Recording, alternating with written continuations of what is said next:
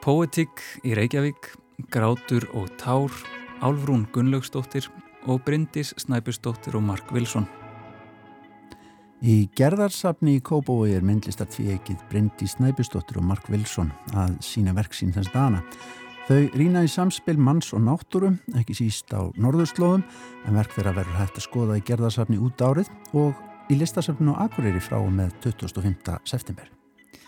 Margret Bjarnadóttir, listamæður, kemur í heimsókn í Viðsjá í þætti dagsins en nú dögunum byrti hún greinina ein mínúta í lífinum í greinasafninu Erindi, Poetik í Reykjavík sem kom út hjá Benedikt bókaútgáðu nú á dögunum. Þar rekur hún nokkuð óhefðbundin reitferil sem hverfist um dagbókaskrif, anagrum og fundin augnablík.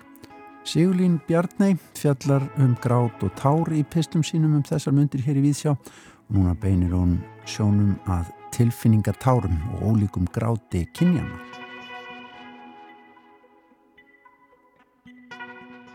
En við byrjum þáttin á því að heyra rödd merkrar skálkonu sem nú er fallin frá. Álrún Gunnlaugstóttir fætt árið 1938, lest í gerðmorgun.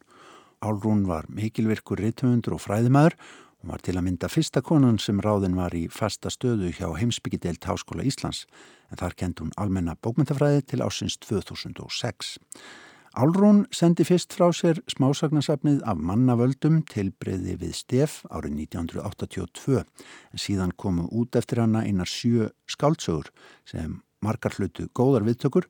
Skáltsagan Þel fekk til að mynda bókmyndavelun DFF árið 1985 og þrísvar var Álrún tilnæmt til bókmyndaveluna Norðurlandaráðs fyrir bækurnar Ringsól, Kvart að rúnum og Yfir Ebrófljótið sem líklegast er hennar þekktasta verk. Yfir Ebrófljótið var einning tilnæmt til Íslensku bókmyndaveluna árið 2001 og það var líka skálsagan Rán sem að koma út 2008. Víðsjá minnist Álrúnar en hún var margóft gestur hér í þættinum á árum áður. Við skulum grýpa niður í spjall Álrunar og Eirik Skumusonar hér í Vísjá þar sem Eirikur byrjaði á því að spyrja höfundin að því hvort maðurinn gæti aldrei almennilega lifað í núinu. Í framhaldinu af svari Álrunar heyrum við hann að síðan lesa blá byrjunina á skaldsögunni yfir eblufljótið. En getur maðurinn almennilega lifað í núinu? Nei, ég held ekki. Ég held að það við erum náttúrulega fyrir utan það að vera það sem við höfum verið eh, sko þó að það hafi ekkit endilega afgerandi áhrif að þá e, þá erum við meira heldur en það sem er núna og ekki annars við erum meira en e, það sem það tímabil sem við lifum. Við erum líka kannski tímabilin á undan. Já. við erum alltaf við einhverjum skilningi að, að um, búa til tengingar ekki satt og uh, mér hefur fundist að aðal heimur okkar sína um mitt í kollunum á manni. Uh, þar fyrir fram öllum úrvinnslaða skinnjun uh, og, og það sem við upplifum. Og ég er ekki að segja það stundu setjum við hlutina í samhengi sem kannski þau eigi ekki til en það skiptir ekki máli.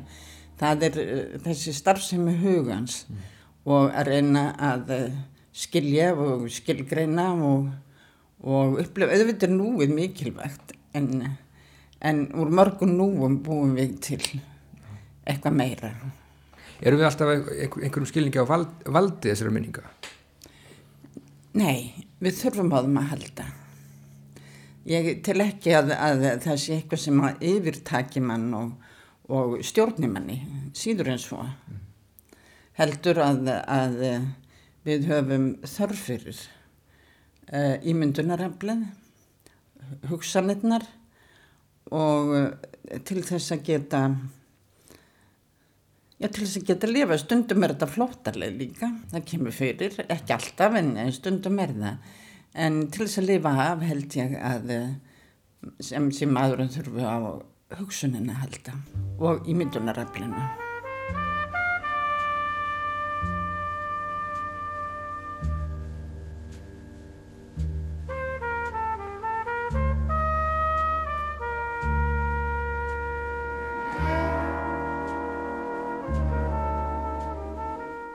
Mánatettur, hvað ertu?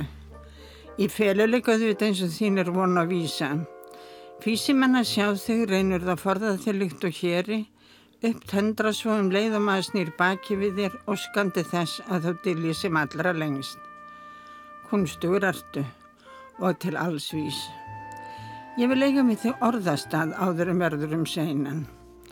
Aldrei að vita hvernig það kemur, kallið á ég við. Með hverjum deginu sem líður magnast uppvakninga kringum mig ef svo maður orði komast og veit ekki að gott. Nei, það veit ekki að gott. Ég skima út um smáruðóttan glukkan. Ekki sínilegu belvaður. Býta vörina. Því að ekki er ástöð til að belva einu með neinum nema helst sjálfum sér.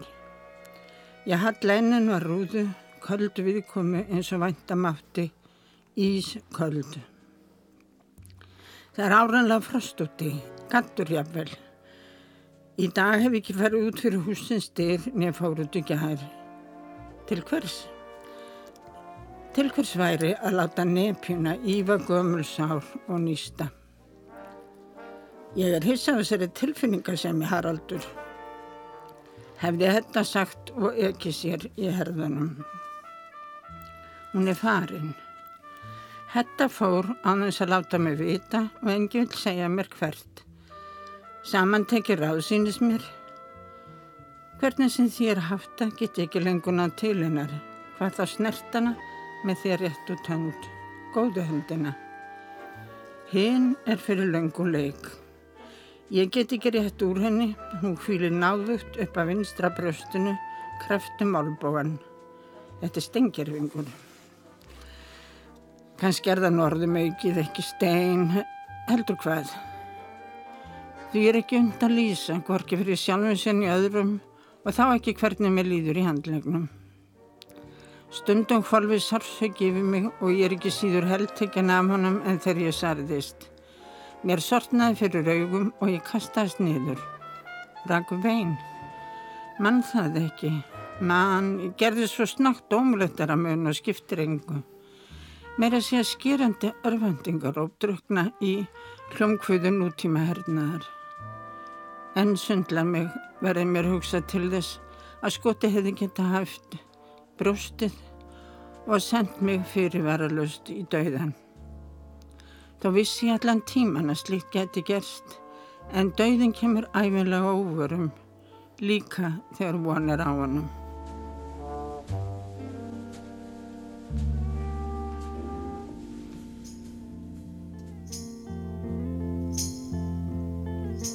Nú á dögunum kom út bókin Erindi Poetík í Reykjavík frá Benedikt bókaútgáfu en hún er gefin út í tilefni þess að í ár, árið 2021, fagnar Reykjavíkuborg tíu ára ammali sem bókmentaborg UNESCO. Í bókinni hugleiða 14 reykvískir ritthöfundar tengingar sínar við skaldskapar listina. Einn þessara höfunda er sest hérna hjá mér í hljóðstofu Það er hún Margrét Bjarnadóttir en hún hefur gefið út tvær bækur, Líf mitt til dæmis, dagbækur 1998 til 2002 kom út hjá Tunglinu forlægi árið 2013 og orðið á götunni 5. mæ 2009 til 18. desember 2013 gaf Margrét sjálf út árið 2017.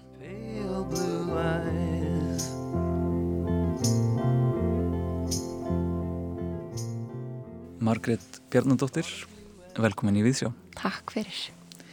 Og í þessari nýjútkomnu bók Erindi Poetic í Reykjavík að þá ert þú með grein sem nefnist ein mínúta í lífinu. Eh, þar þú horfir svona aftur og veldir fyrir þér þínum rittferðli sem er kannski ekki hefðbundin ritthöndaferill. Þar sem þú nálgast listina í gegnum marga miðla eins og dans, gjörninga, eh, sjónlist og skrif. En eins og kemur fram í greininni þá ætlaði þú snemma í þínu lífi að verða ritthöndur og hvað var það við rittstörfin sem heitlaði þig í barnaskóla?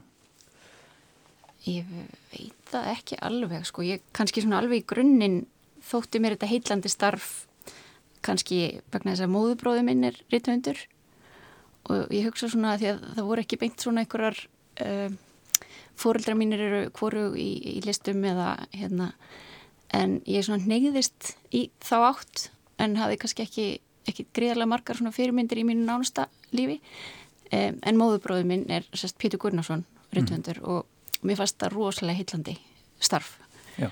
og hérna einhvern veginn var heppin líka bara í barnaskóla, ég var með kennara sem að laði mikið upp úr því að láta okkur skrifa sögur mm.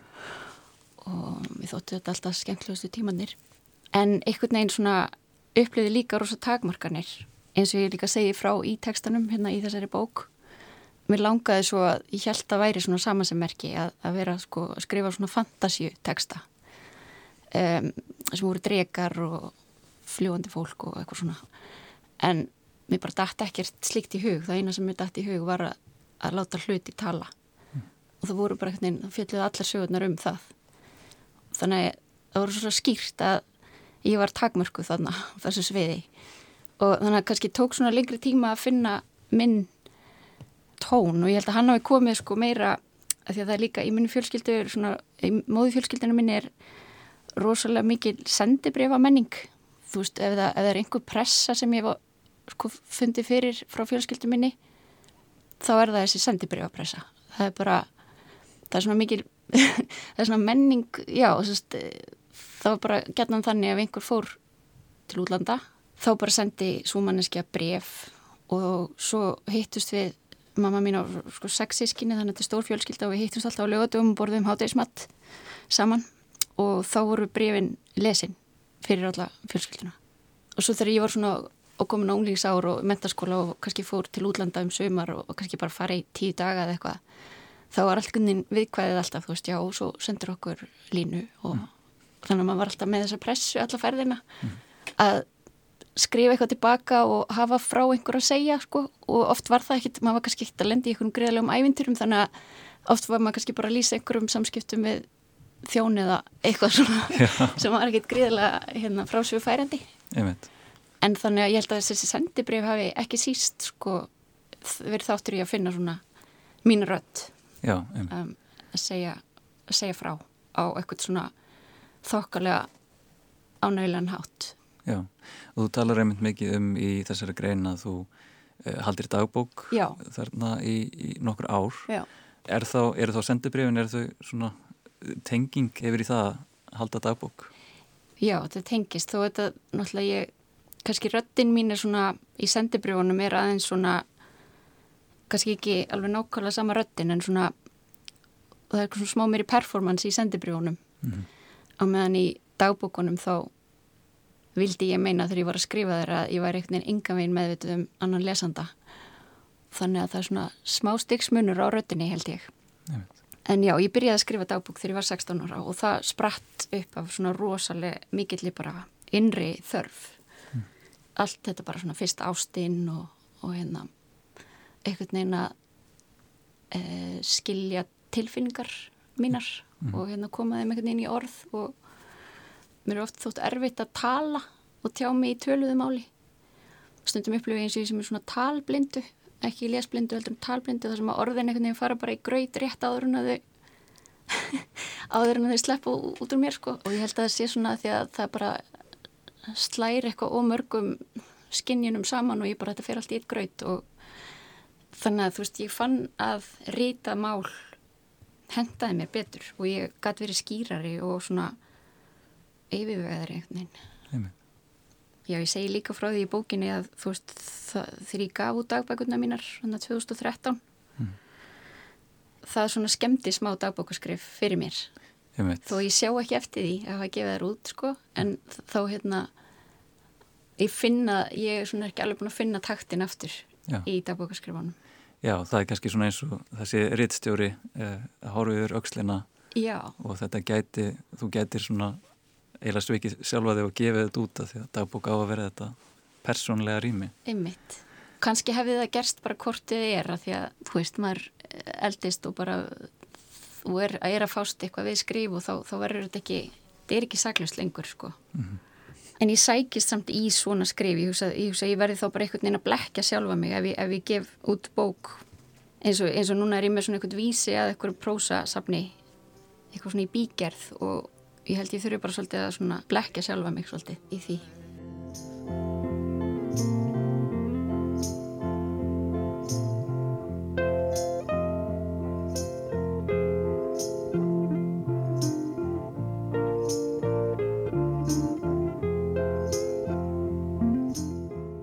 Reykjavík, júli 2001.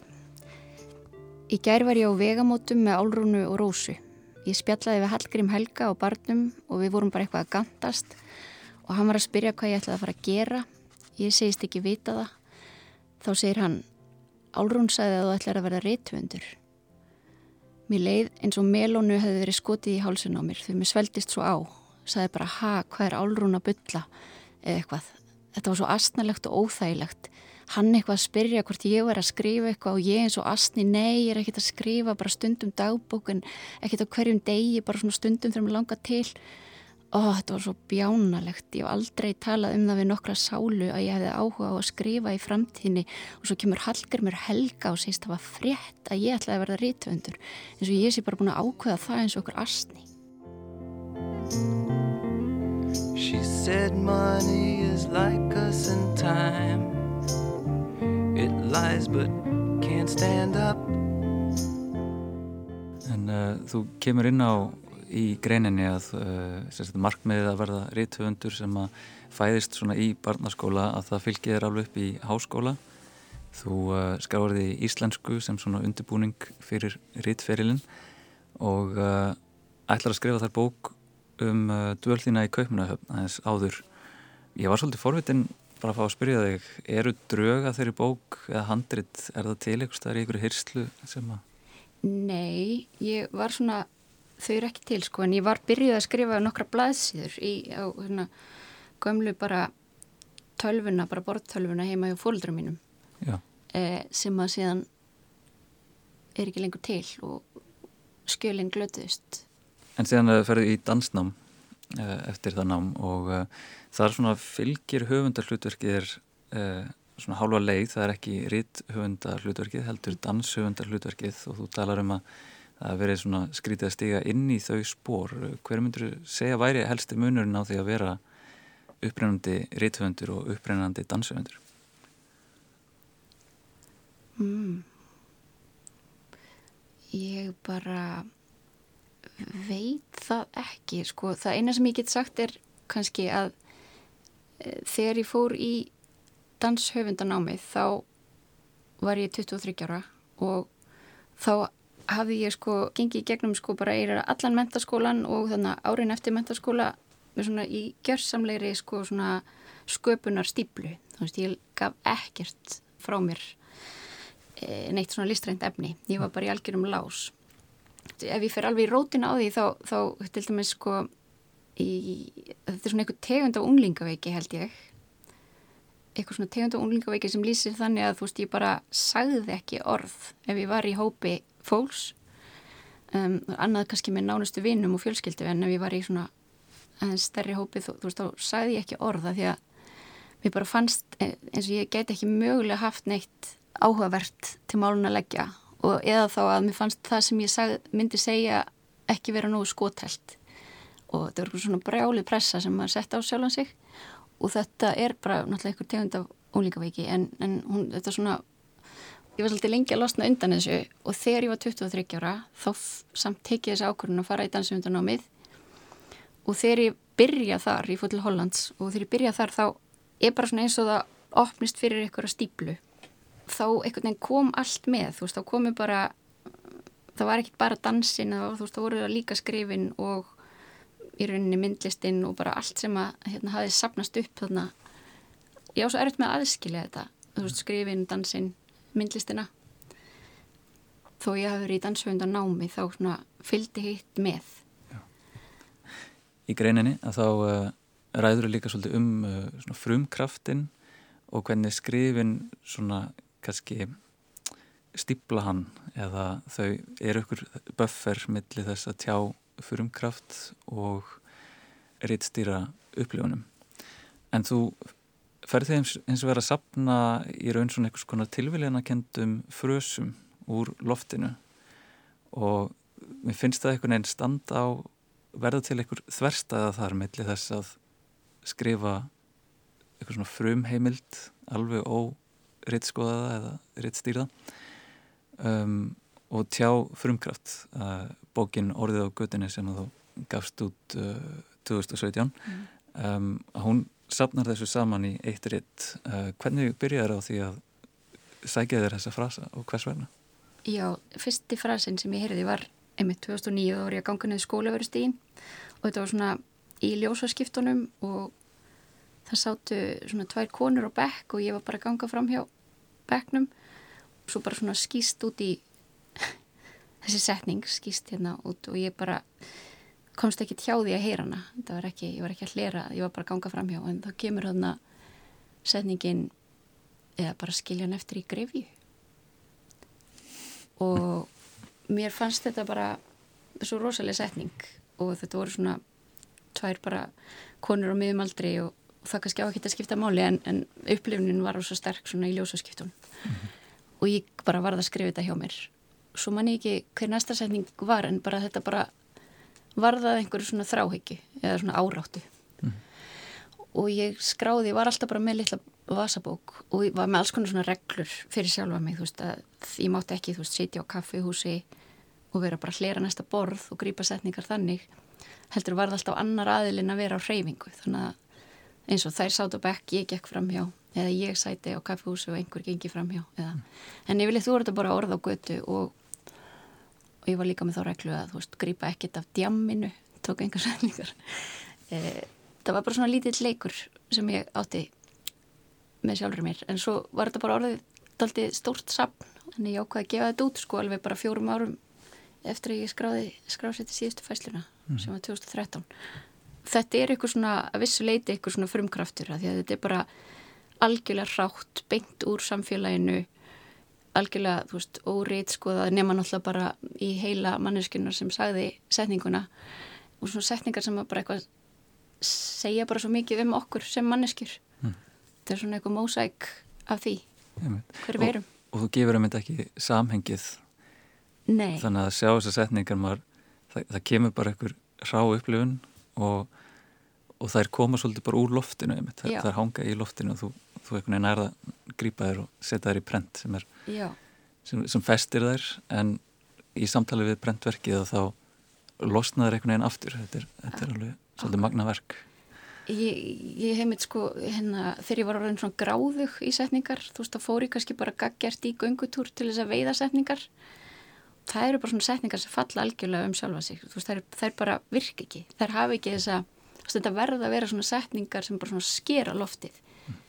er bara að grípa þig þú veist, þú grípur þær ekki einu sinni þannig að þessar setningar sem ég fekk úr þessum göngutúrum sko, sem ég var með eitthvað, eitthvað, eitthvað missjón þær fóru ekkit í bókina, þær voru bara lélegar sko. mm. og þú ert með uh, þetta sapn og svo svo skrifur dagbækur og, og svona sapnar samtölum þínum við sjálfa þig. En svo talar við líka um að þú hafið sapnað SMS-um og uh, ég var reyðilega að fá að spyrja ertu, ertu mikill sapnari á öðrum hlutum? Nei, nefnilega ekki sko, þetta er hérna eina ég er rosa lítill sapnari á hlutum og já, já á, á litlar lítið, lit, lítið að veraldlegum eigum mm. en ég sapna svona hverfölum hlutum. Og það er bara eitthvað sem að ég var í rauninu bara að gera mig grein fyrir, fyrir stuttu sko, ég var bara svona allt í hennu að sjá þetta í þessu samingi, þetta er allt svona hverfulur hlutir mm. sem að ég sapna og þetta er eitthvað svona bara þörf fyrir að grýpa eitthvað eitthvað agnarsmátt moment. Og sannilega kemur það ekki eftir og kannski er þetta bara svona einhver aðskilnaði kvíði. En uh, þú talar um að þú sért með uh, prósaverk í vinslu Já, einhver uh, svona frumstíð, já Máttu, máttu segja mér aðeins frá því? Ég, ég held ég bara geti rosalega lítið sagt uh, um það núna. Mm. Þetta er svona, þetta er svona eitthvað vísir og það eru en lítur út fyrir að þetta verði bara svona smá prósasapn. Ég hef svona búin að koma staðið að ég á erfitt með að uh, búa til karaktera og, og skálda personur. Mm. Þannig að þetta eru alltaf svona persónlega skrif en þú veist það er ekki að því að ég hafi svo, svona greiðalega áhuga sjálfur mér, þetta er bara svona mm, ég þarf alltaf að hafa svo svona stert akkeri sem að þú veist, ég tengir mig rosalega og þaðan get ég síðan byllað mm. og farið ykkurt á staðir sem að þú veist, eru kannski ekkit sem ég sjálf hef ekki upplifað en já, þannig að þetta er bara svona nærtakast að eitthvað neginn skrifa út frá svona mjög bókstaflega út frá mér ég er bara búin að komast að ég minnst áhugaverðara það sem ég kem auða á og, og sé finnst mér áhugaverðara en það sem ég get upphugsað sjálf. Ég held að það séu góð loka orð hjá okkur. Það verður gaman að fylgjast með uh, þessari smá prósa bók, væntanlegu. Uh, Margret Bjarnadóttir, takk kjælega fyrir spjallið. Takk sem leiðis.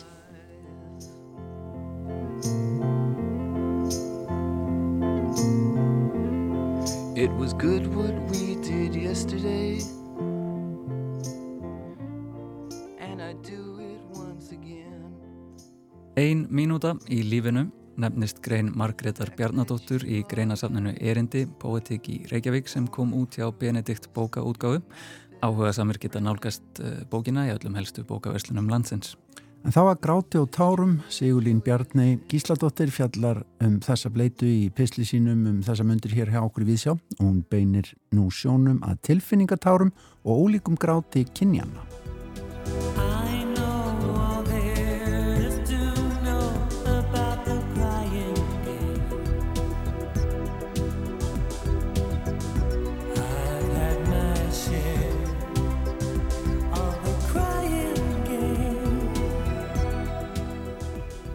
Til forna trúðu menn því að tárin kemi úr heilanum. Að heilin yrði fyrir þrýstingi frá hjartanu og tárin væru til að ná jafnvægi. En svo veru tárakirtlarnir uppgötaðir og annað kom á daginn. Ekki eru öll tár eins því til eru þrjár tegundi tára. Stöðugtár, viðbrags eða ertingartár og tilfinningatár. Stöðugutárin eru hinn stöðu í raki augnana, bleitan sem sér til þess að við sjáum og getum hreift augun. Þau renna yfir augun í hvert skipti sem við blikkum. Viðbrakstárin koma vegna ertingar þegar við fáum sandkorn í augun eða skerum laug. Þessi tár vernda augun og reynsa þau. Sálrænu tilfinningatárin eru af geðrænum toga og tjá tilfinninga ástand. Þessar þrjár gerðir tára eru ólíkar að efnasamsetningu. Tilfinningatár eru stærri og með 20% meira prótein en viðbragstár, samkvæmt rannsókn Williams Frey frá um 1977. William Frey fann það líka út að í tárum er hátt hlutfall mangans og líka ACTH-hormónsins. En hátt hlutfall mangans í heila fylgir vist þunglindi auk þess sem ACTH-hormónið er tengt stressi. Það að augun losi þessi efni út með tárum áttu því að vera heilnæmt og sanna lekningarmátt tára. Bent hefur á að í raun síu tár ekki gaglega leið til að losa út efni þar sem megnið af þeim fer aftur inn í augun og þar með inn í líkamann. Þessa niðurstuður hafa því ekki staðist tímans tönn. Margir segja að þeim líði betur eftir að hafa grátið. Einu sinni heyrði ég konu segja að það var í gott að gráta smá skvettu og halda svo áfram. Grátur getur verið tengdur uppgjöf en í sumum tilfellum hefði sá sami geta gert eitthvað í málunum í staðin fyrir að gefast upp og gráta. Þannig sína rannsóknir ekki endilega að þau okkar sem gráta meira en aðrir séu hamingisamari Það er líklegra að við séum að glíma við þunglindi eða deburð. Margar ólíkar kenningar hafi komið fram um tilgang gráts. Sagt hefur verið að hann sé til þess að koma á jafnvægi og losa um spennu úr líkamannum, að sá sem gráti sé að kalla á aðtikli, að grátur hamli þunglindi eða sé til þess að halda nefkokinu röku, en svo hafa komið fram rannsóknir sem allar rekja þessar kenningar. Margir kannast eflaust við það að hafa einhver tíman grátið yfir bíómyndinni Titanic. Vitað er um einstaklingar sem fóru oft að sjá myndina til að gráta. Þeir nutu þess að fá útrás og gráta í myrkum bíósalnum. Í einni rannsókn var fólk sem greti við sömu bíómyndinni spurt út í ástæður þess að þau gretu. Þá kom á daginn að þau gretu af ólíkum ástæðum. Við getum því verið saman grátandi í hóp horfandi á það sama en ástöðunar fyrir tárunum geta verið eins ólíkar og við erum mörg. Það er ekki til algildi regla sem segir hvenar, hvar og hvers vegna fólk grætur. Bryndís Jónsdóttir byggði bíaverkefni sitt í sálfræði á rannsókn á gráti íslenskra háskólastúdenda árið 1997 og hún segir að samskipti eða tengsl virðist algengasta ástæðan fyrir því að við grátum. Og hún segir líka til utnun, flestir gráta aðeins í stuttastund, einir heima hjá sér að kvöldlægi, til utnun líkur. Ein af niðurstöðum hennar síndi að konur grétu meira en karlar og þær töldu grát þjóna jákvæðara hlutverki. Algengustu tilfinningarnar sem bæði kynin höfðu upplifað þegar þau grétu síðast voru daburleiki, vannmáttur, reyði og kvíði.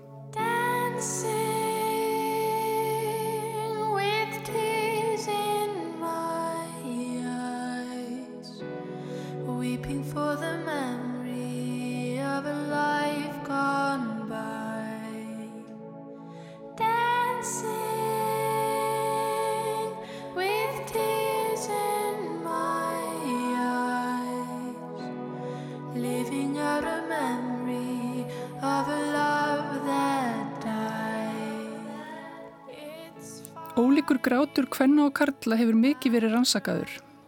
Kynin og tilfinninga þeirra eru tengd af svo mörgum klísjum og mítum að mér finnst ég vera að hætta mér út á hálan ís. Ég er engin sérfræðingur í gráti kynjana. Ég er bara forvitin. Margar rannsóknir sína að konur gráta meira af meiri krafti og oftar en karlar. Það er þó ekki ljóst hvers vegna konur gráta meira hvort það sé líffræðilegt eða frekar félagslega samþygt. Getgátur eru upp um að styrkur hormónsins prólaktíns í blóði hafi þar eitthvað að segja. Unga börn gráta jafn mikið hvort heldur um stelpur eða stráka er að ræða, en hins vegar virðist verða breyting þar á um 13 ára aldur þegar strákar byrja að gráta minna en stelpur. Það er hugsanlegt að hormón hafi þar áhrif en þá eikst prólaktin í líkamastelpna og testosterón í líkamadrengja. Prólaktin og jafnvel önnur hormón gætu því verið svari við því hvers vegna konur gráta meirinn karlar þó að bæði kynin upplifi sterkar tilfinningar í sömu aðstæðum. Brenni Brán er bandarískur félagsfræðingur sem hefur lengi rannsakað berskjöldun Eftir rannsóknur og viðtöl í fjölmörg ár komst hún að þeirri niðurstöðu að berskjöldun er eitt af likil atriðum hamingunar. Það að geta gengist við skömsinni og sínt hana sé á einhvern hátt heilandi. Breni segir að til þess að tilfinningin geti kallast berskjöldun þurfu hún að vera óþægileg. Í berskjöldun afhjúpaði maður sjálfan sig og sínir hlýðar sem maður skammast sín mikið fyrir og sá sem hlustar getur notaða gegn manni síðar. Til að byrja með rannsakaðum bara konur, en það breyttist þegar Karlmaður spurði hana út í það og bendi á að dætu sínar og eiginkona myndi frekar vilja sjá hann deyja en að falla niður á hvita hestinum. Þessi ummali urðu til þess að hún fór að skoða berskjöldun og skömm út frá körlum. Í viðtölum viðukendu margar konur að þær fyltustu viðbjóði þegar þær sáu eiginmenn sína gráta. Karlar eru kvartir til að gráta en svo þegar að hólmin er komið og þeir láta vaða þá eru viðbröðin oft óþægjandi og jafnvel reyði. Í desember árið 2019 byrtist grein í tímarittunum Frontiers in Psychology þar sem Heather MacArthur sagði frá niðurstöðum rannsóknar sinnar á gráti Karla og Kvenna. Þar komi ljós að staður og stund skipta máli þegar grátur kynjana fari ákvað eða neikvað viðbröð. Þegar karlar eru í umhverfi þar sem þeir hafa þegar sannað karlmennsku sína, eins og í íþróttum, kraftliftingum, fótbolta og fleira, eru þeir bæði líkleri til að sína meiri breytt tilfinninga og gráta. Það er halvportin rekna með því að karlar gráti þegar þeir tapa fókbóltaleik og það er félagslega samþygt. Myndi þessi sami karl til dæmis gráta í störfum sínum sem hjúgrunafræðingur sem er talið hefðbundið umhverju kvenna innan gæsalappa, þá fengi hann allt önnur viðbröð. Í rannsókn MacArthurs voru bórið saman viðbröð ólíkra einstaklinga við gráti Karls og konu í starfi sem slökkulismadur og við gráti Karls og konu í starfi sem hjúgrunafræðingur. Viðbröðin voru jákvæðust gagvart grátandi Karli sem var slökkulismadur. Tárin hans þóttu viðegandi og ásettanleg í ríkari mæli en tár hjúgrunafræðinga af báðum kynjum og tár konu í slökkuliðinu. Þessa niðurstuður eru víst í samrami við fyrri rannsóknir sem sína að karlmennska virðist í meira mæli en kvenleiki byggja á ákveðnu stígveldi. Þar sem hinn er ráðandi fá meira frelsi og aðgangað valdi en hinn er lægra settu. Viðbröðun við gráti karla virðist við byggja á því hver karlmannlegir eða kvenlegir þeir eru taldir vera. Hér hef ég talað um þá hefð að rannsaka kynin tvö og velti upp hvað aðgreinur þau og hvað ekki. Um leið er ég að taka þátt í og renna stóðum undir heimsmynd þar sem kynin eru bara tvö, en svo er ekki. Nú þarf að breyta öllum rannsóknum og skoða fleiri litbrigði kynsins. Gráta kynsegin einstaklingar og transfólk meira eða minna en aðrir eru við núna að búa til félagslegt kerfi sem segir hvar og hvenar transfólk má gráta og sína tilfinningar yfir höfuð. Minnilutahópar búa við ör áreiti sem fylgir jæðarsetningu þeirra og því fylgir djúb sorg og sorgin bríst út í reyði, pyrring og gráti. Lífið er nógu erfitt og margt til að gráta yfir. Mennskunni fylgja vonbreyði, slis, sorgir, sjútdómar og dauðin sjálfur. Grátur, reyði og sorg jáðarsettra er afleiðing af ranglátu samfélagi og bætist ofan á lífsflækjuna. Við byrjum ábyrð á að hugga jáðarsetta með réttlátara samfélagi. Love, love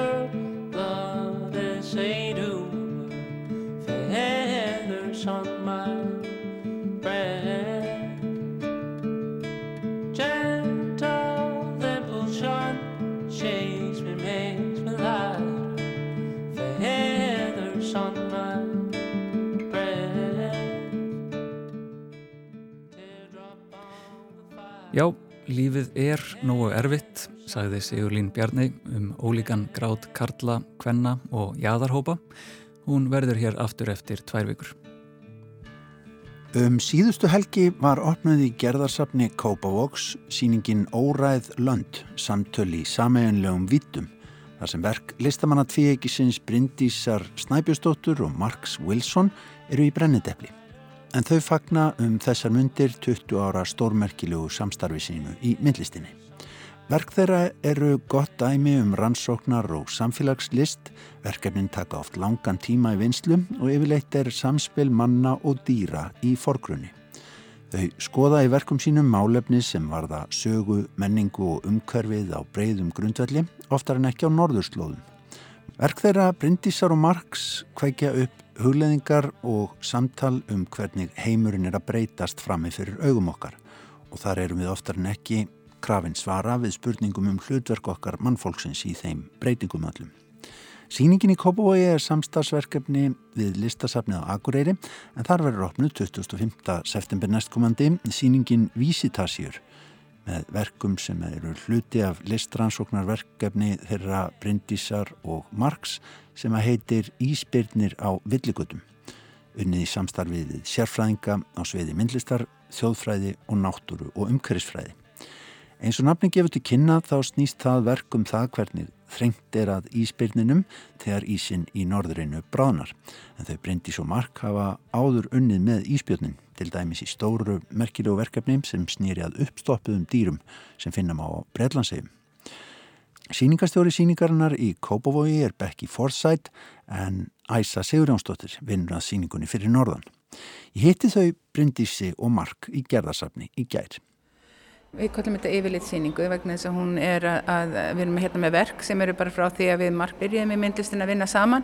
Þá komum við að því þannig að við vorum sagt, með áhuga á að vinna með umhverfið og bæðið með svolítið svona áhuga á að, að velta fyrir okkur eh, hluti sem eru svona í norður hluta eh, heimsins, veraldarinnar og hérna síðan sagt, út frá þessu verkefni sem við uh, unnum með Ísbyrnuna í Breitlandi uppstoppu sem margir er nú búin að heyra um að, að þá hérna fundum við bara þessa leið til þess að, að, að vinna svolítið út frá dýrum.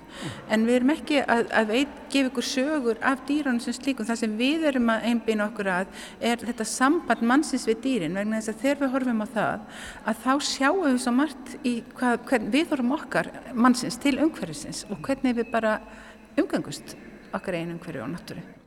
Mark Wilson segir að þau brindi sjáilikt og fleiri norðurskautið sem eins konar loftvóð á breytingarnar í náttúrunni og hvað hún sé viðkvæm. We kind of picked up on the Arctic as being some kind of barometer of environmental fragility. The environment is also, you know, culturally and politically quite a contested space, um, and, and contested spaces is the thing that we are most interested in, where human behaviour is you know, in conflict or in tension in relation to the environment and how the environment is used, exploited, you know, or, or otherwise experienced. Menningarlega, sögulega og pólitíst er norðrið svæði sem tekist er áum. Við erum áhuga sömum þessa spennu, þessi átök Við höfum unnið til dæmis í Alaska og norður hluta Kanada innan norður heimskautsböksins á svæðum þar sem manneskjan deilir framkvæmda svæðum sínum til dæmis við jarðgasvinnslu og veiðar með íspjöðnum sem að þrengt er að.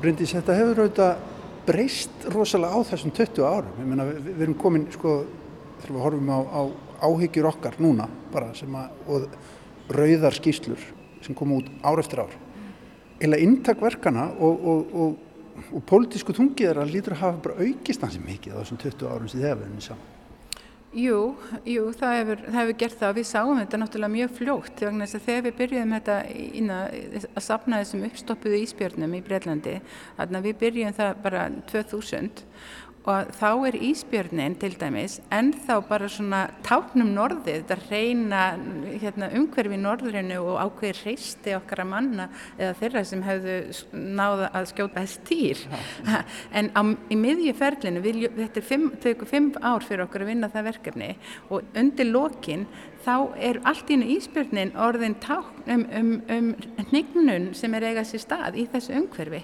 En við erum líka meðvituð um að þetta hefur svona líka gefið okkur meðbyrð. Þetta er, þetta er okkur í hjertans mál. En við erum náttúrulega að finna leið til að vinna þetta sem myndlist. Þannig við erum ekki sko, að gera þetta eins og kannski aktivistar myndu vera að, að, að vinna ef þið væru á sömu nótum og við og við oft kos, auðvitað, finnum alltaf og oft samleið með fólki sem að vinnur meira á þann hátt. En fyrir okkur er það alltaf reynu við erum að gera þetta sem listaverk og þetta er til þess að opna inn í hug hjá fólkinu sjálfu. Þeirra eigin skoðanir og, og, og, og svona aðeins hreyfa við þeim mm. heldur en að vera bara með eina rödd sem segir við getum ekki gert það svona. Mm. ef þú skilur hvað ég meina. Mm verður ekki predikari. Já, við erum það ekki. Það er mjög mikilvægt fyrir okkur að, að við mannfólki við erum svo mismunandi og það er svo mismunandi aðstæði sem við lifum í og, og hefum komið út úr og við erum, við hér, við listamenni Mark og ég, við erum ekkit betri en margir aðri. Við hefum líka komið út úr alls konar mismunandi umhverfum í við okkar, okkar hugmyndir hafa breyst og, og varðandi dýr og allt mögulegt.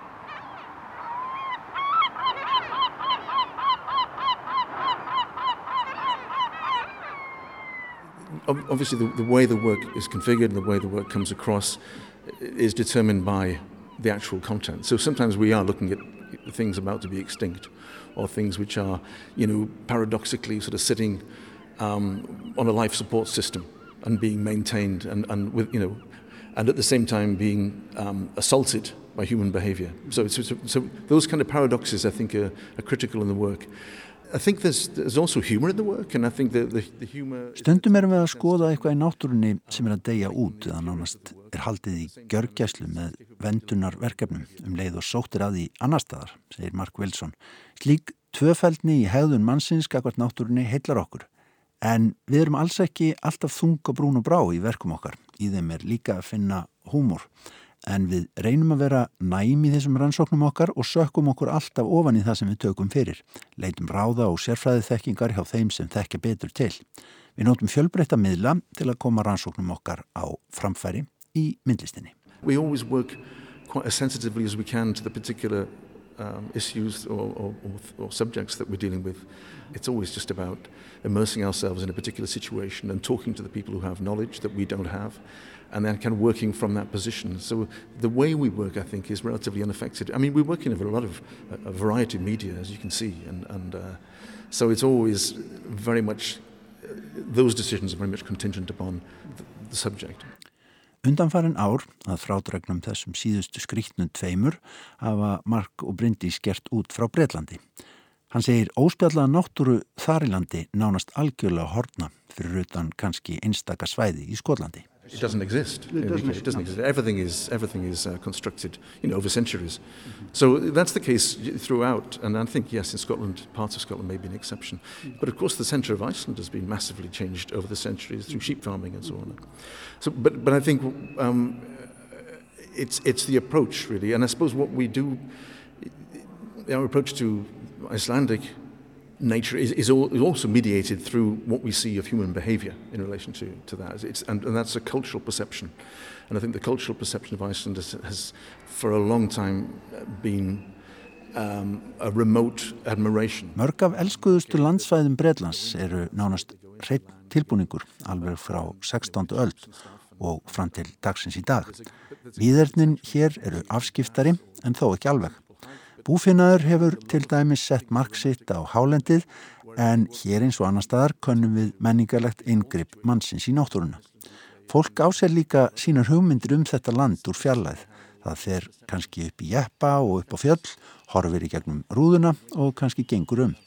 En þetta er romantísk ást á náttúrunni. Við reynum að skoða það hvernig skinnjun mannsins hefur áhrif á hvernig hann fer með landslag og umhverfi og haga sér gagvarti.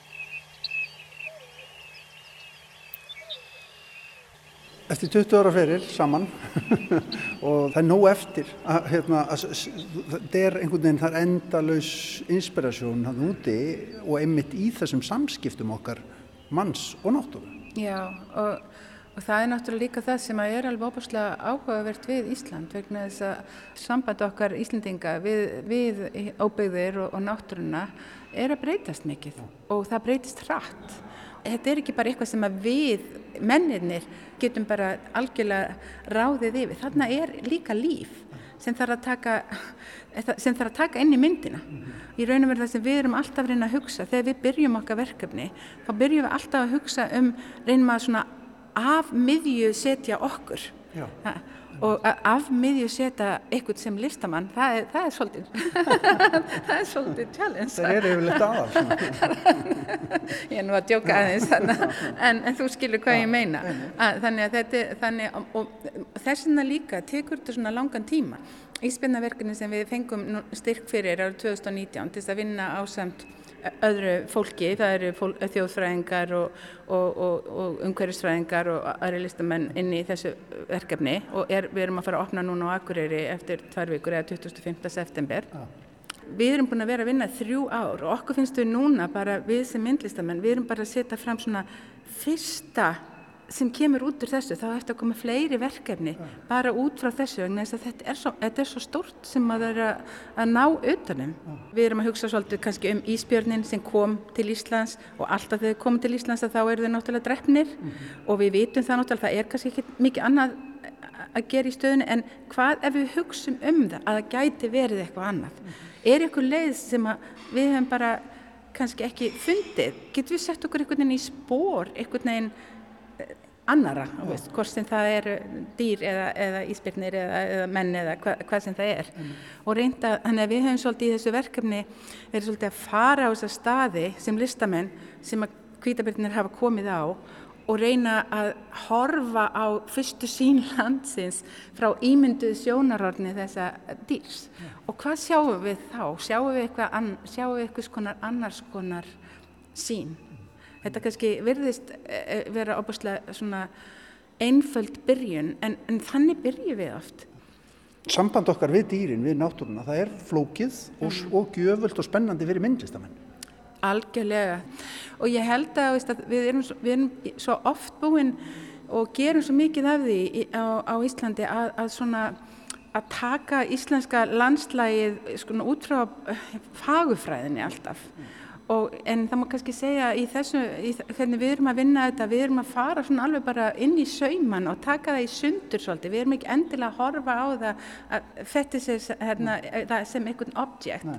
sem einhvern hlut, heldur erum við að víst, reyna að opna þetta upp og bara hvað er þarna inni, hvað er inni bak við þessar fallegu myndir af öllum sem fjöllum og óbyggðar myndir og, og, og öllu þessu, þannig að það er kannski það sem mér finnst áhugavert að vera hér á Íslandi núna í dag með þessi verk.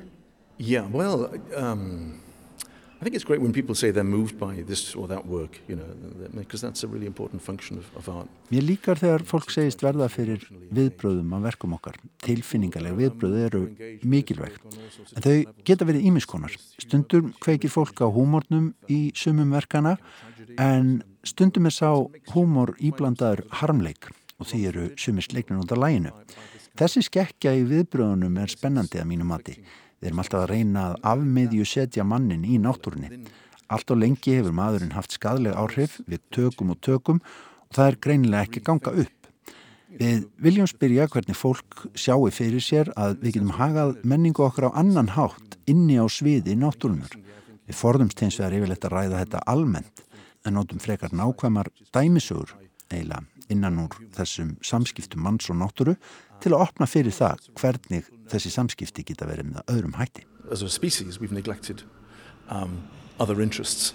We've been extractive, we exploit, we take um, and that is, clearly isn't working because there are consequences to that. And so in, so in, a, in a nutshell we want people to rethink or, or to allow through the work, allow space for thinking how else um, culturally we can, we can behave towards the environment, which is why we are very specific about the particular relationships we explore. Mm-hmm. Because I think it's only by exploring things through specifics mm-hmm. that actually you can, you can get people to think about and, and to, in a sense, to consider other ways of being. Segir Mark Wilson, myndlistamæður, en verk hans og Bryndisar Snæbjörnsdóttur verður hægt að sjá á síningunni í gerðarsafni fram í byrjun næsta ás og einnig norður í listasafninu á Akureyri frá 25. september.